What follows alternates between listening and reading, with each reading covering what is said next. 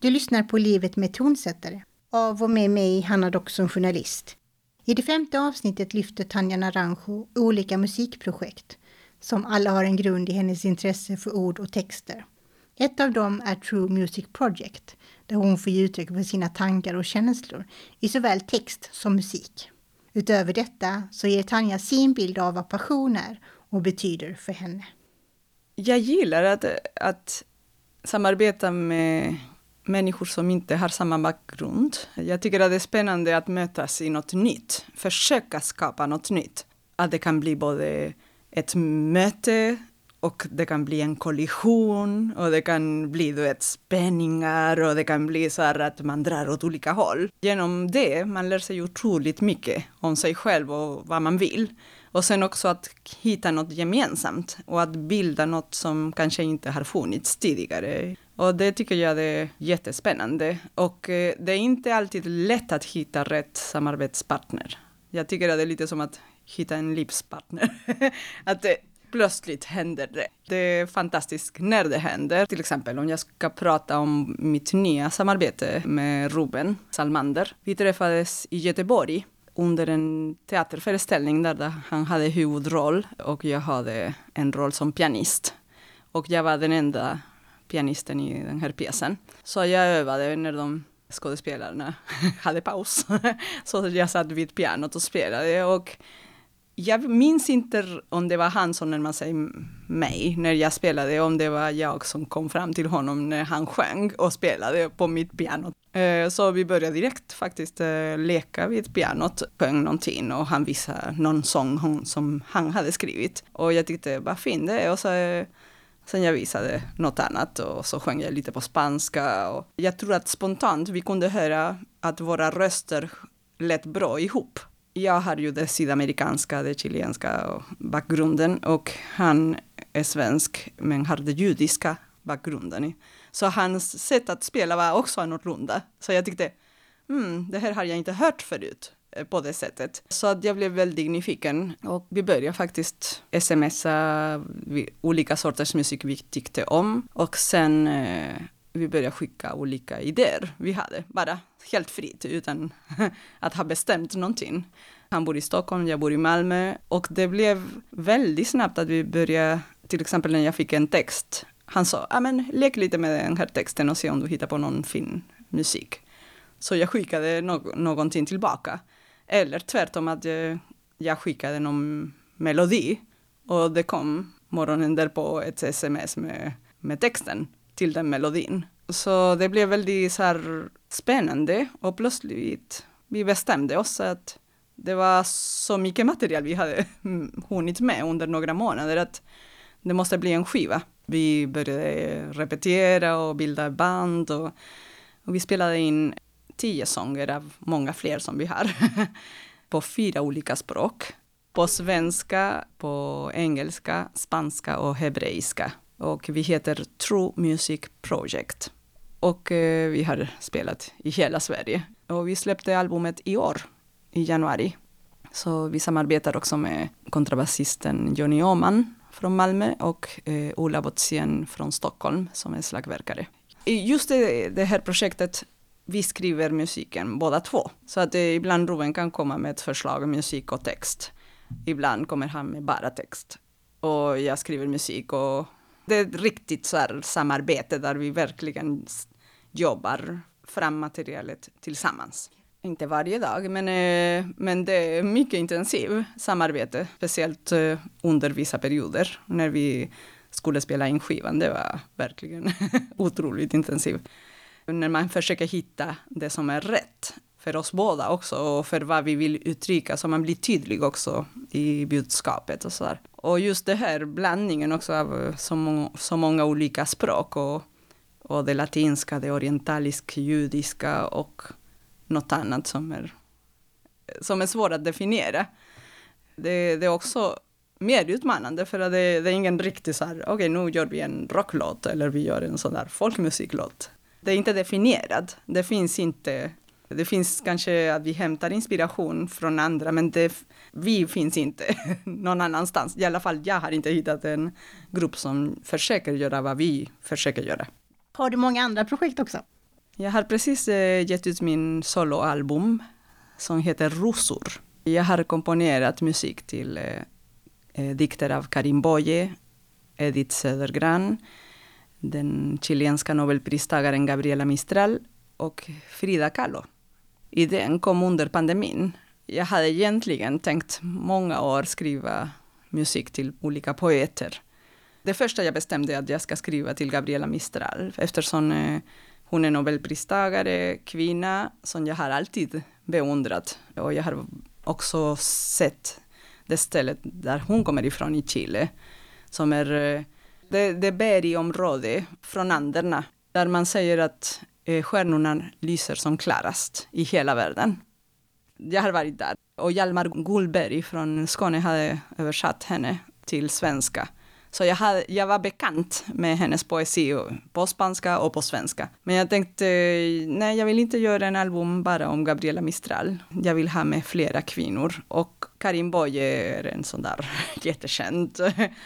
Och Edith Södergran också. Det var rätt så självklart från början. När jag började läsa så här, deras dikter, jag tyckte de nådde mig. Svenska är inte mitt modersmål, så det har tagit flera år för mig att känna poesin på svenska. I Chile, vi, jag läste mycket poesi för att vi har också en stor tradition av poesi i vårt land.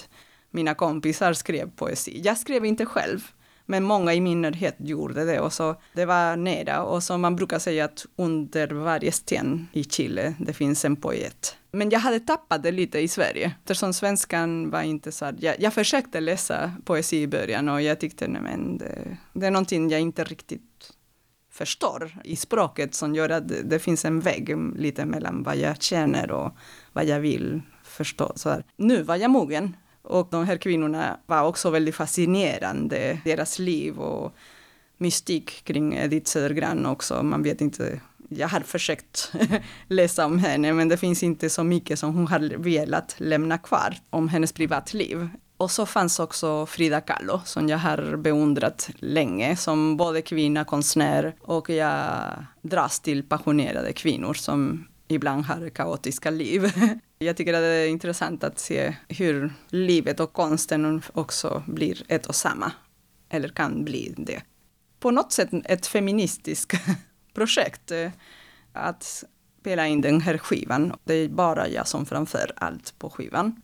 Jag valde att leka med pianos olika klanger, dämpade strängar, lite preparerad, preparerad piano. Och sen jag har lagt till lite olika keyboards och vibrafon och slagverk. Och jag sjunger allt själv och spelar allt själv. Och har samarbetat med en jättefin producent eh, i Stockholm som heter Micke Herström. Som också har färgat skivan med hans ljudbilder. Det, det, speglar lite den känslan som jag som kvinna och också med utlängs på BRÅ från Sydamerika och som konstnär överhuvudtaget. Att jag vill bara vara mig själv. Man kommer till en ålder där man struntar typ i allt på rätt sätt. Att man vågar vara den man är. är viktigt för mig. Att, det, att eh, få mina två världar att passa ihop. Eller bli ett, kan man säga. Att jag ska sluta tänka, jag är från Chile, jag är utlänning, invandrare, som konstnär. Men jag är också svensk och jag bor här, det här är mitt hem. Så att jag förenar det och jag vill färga det svenska med min färg också. Poddserien Livet med handlar ju ofta om psykisk hälsa i olika aspekter. Och psykisk hälsa, det kan ju vara både välmående och sämre. Men det jag tänker på att passion är ju, det är en ledtråd jag hör här genom ja. dina två avsnitt. Och jag tänker passion är inte alltid helt okomplicerad att leva med som människa. Hur förhåller du dig till din passion? Oh my god. ja, jag är passionerad. Alltså jag tycker att det är en viktig del av livet att låta sig både förlora kontrollen. Det kan vara nyttigt att inte alltid ha strikta ramar för hur man ska leva sitt liv, att man kan bryta med dem spontant, för att man plötsligt känner, ja ah, men det här är rätt för mig, det här vill jag. För att det, den styrka, passion är också så här kraft. Det kan också leda till svåra situationer i livet eller att man plötsligt tar helt fel väg. Men eh, jag tycker att utan passionen, det skulle vara så tråkigt. Passion i ett kreativt skapande känns ju också som att det kan gränsa till i viss mån kontroll och prestation. Det är nästan mer än att jag blir besatt av att det ska bli. Det måste bli något speciellt eller något som jag verkligen kan stå för. Och, men från idé till, till att verket är klar, det, det är många olika faser man går igenom. Men är det alltid lätt att hantera den processen? I mitt privatliv, jag är mer ångestfylld, att jag kan känna mer rädsla för vad kan hända, än genom musiken. Alltså musiken för mig har varit den, du vet, när man öppnar en kran och bara låter vattnet bara leva sitt liv. Det är där jag lägger den här passionen och spontaniteten. Jag, jag, tycker i alla fall att ångest finns inte med på samma sätt när jag skapar musik. För att jag har lärt mig i alla fall att det rätta för mig det är att använda min kunskap och alltid försöka hitta ny kunskap och bli bättre och bättre. Men också vara respektlös lite grann mot kunskapen så att man inte bromsas av den. Att man låter bara idéerna flöda fritt. Och det är jag bra på. Alltså jag, jag, jag får tusen idéer. Jag är inte rädd för att utveckla dem. Jag tycker att passion är bra för att det, det ger... Jag vill ha olika kontraster i min musik. Jag känner ingen rädsla för att skapa musik, för att det, det också hänger på lyssnaren vad lyssnaren gillar och inte gillar. Och självklart det, det är kul att folk gillar ens musik, men det är inte alla som har blivit uppskattade för deras musik heller när de levde. Eller det här som Astor Piazzolla till exempel, som fick både hat och kärlek från eh, lyssnarna. Och det är bra att man vågar vara sig själv som kan vara också provokativ för andra. Alltså, jag tycker det är också intressant när man vågar vara sig själv och strunta lite i alla de här krav. Just för att hitta det som är eget. För att det, om man inte vågar chansa ibland så det är svårare att hitta sig själv. Spelar publikens reaktion på det du gör ingen roll? Det är självklart man blir glad om publiken gillar vad man gör. Men eh, jag vill att det ska vara äkta. Jag är ingen tonsättare som vill provocera på det sättet. Det, det, är inte det jag letar efter. Jag vill bara uttrycka känslor som folk kan ta emot i hela färgskalan av känslor. Man behöver inte heller som publik förstå vad jag vill säga. Men bara att man, det finns en kommunikation, en kontakt. Publiken är olika beroende på vilken typ av scen man är i. Känner du eh, hur publiken eh, känner din musik? Ja, men när man lyckas vara inne i sig, i sig själv och uttrycka det man, när man är i, i nuet, alltså man pratar mycket om det i meditation, när man lyckas vara i nuet och man har både att man kan eh, behärska de svåra passager, men utan att verkligen vara där och uttrycka sig. Det är då man eh, når publiken och man känner den connection. Och det är fantastiskt när det händer, när man är helt fri i sig själv och man är helt orädd i den stunden. Jag tror att man fångar publikens uppmärksamhet. Att både jag som artist är i nuet med min musik och publiken är också där. Man kan inte göra sig till, man kan inte ljuga så här för sin publik om man inte känner det man känner. Om man låtsas att man känner, känner något annat, det är jättesvårt att fånga en publik, tycker jag. Man måste vara där och verkligen tro på vad man gör. För några år sedan fick du ett beställningsuppdrag från MSO. Kan du berätta mer om det?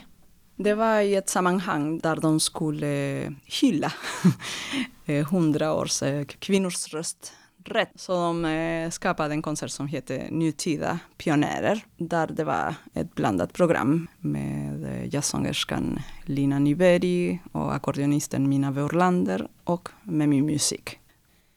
Men alltså förlåt, det måste jag pausa. Hur kändes det att få ett sånt uppdrag? Jag tänker bara på din bakgrund där från Chile med politiken och allt. Och så kommer du hit och får göra en, om politiska kvinnor. Hur känns det? Det känns självklart fantastiskt att få en sån där uppdrag. Jag skrev ett verk som är kort, en, som heter Duel of Hearts. Och det också har med passion att göra på något sätt. Hur hjärtat kan kämpa. Självklart hade det en koppling också till att jag är kvinna själv och de kvinnor som jag har eh, träffat i mitt liv och sen det här historiska perspektivet. Det fanns där som en underton egentligen för att eh, jag tycker att självklart eh, Sverige har också varit förebild vad det gäller kvinnors rättigheter i hela världen. Det kändes örofilt och jag tänkte jag kan uttrycka den här glädjen, både glädjen och resan som har varit på mitt sätt. Och också med tanken att förena mina världar. Att jag kommer från Chile och, och det här med Sverige, att jag bor i Sverige. Hur lång tid tog det för dig att skapa det då? Tre månader eller två, tre månader. Och fantastiskt att kunna spela med en symfoniorkester. Och på den konserten jag hade också flera av mina verk som hade blivit orkestrerade av Mats Holling. Men eh, den här Duell of Hearts, det var hela mitt verk. Eh, jag, jag gjorde allt själv. Att spela med så många fantastiska musiker och eh, med en fantastisk eh, dirigent också. Helt enkelt väldigt häftigt upplevelse. Vad får det för genomslag för din musik? Och är det, förstår du, är det fler som hittar till dig och blir nyfikna på Tanja, henne ska vi ha? Alltså lite så? Ja, vi, vi gjorde den på den konserten med Jönköpings symfonietta till exempel. Och det kommer mera. Och eh, lever musiken så det kommer alltid att finnas någon som kanske är intresserad av att jag ska skapa musik till dem eller, eller lyssna på mig själv som solist med min egen musik. Tidigt under min karriär, det var många som inte visste att jag sjöng eller de trodde att jag var, om man säger inom citattecken, bara konsertpianist. Och så upptäckte de plötsligt, ja ah, men hon sjunger också. Och nu känns det som att jag har kommit dit att folk vet att jag både är konsertpianist och sjunger och att jag gör, eh, jobbar inom den mer klassiska och populärmusiken. Att jag har någon slags crossover eller jag, jag, har, jag är där på båda sidor på något sätt. Jag upplever att det är ändå ganska ovanligt. Men jag tycker att det, det är kul tycker jag, att jobba med, med sig själv och med, med sitt eget eh, uttryck. Du har lyssnat på Livet med tonsättare. I nästa avsnitt ska Tanja berätta om hur hon fick uppdraget att tonsätta en barnopera. Producent är jag, Hanna Doxon.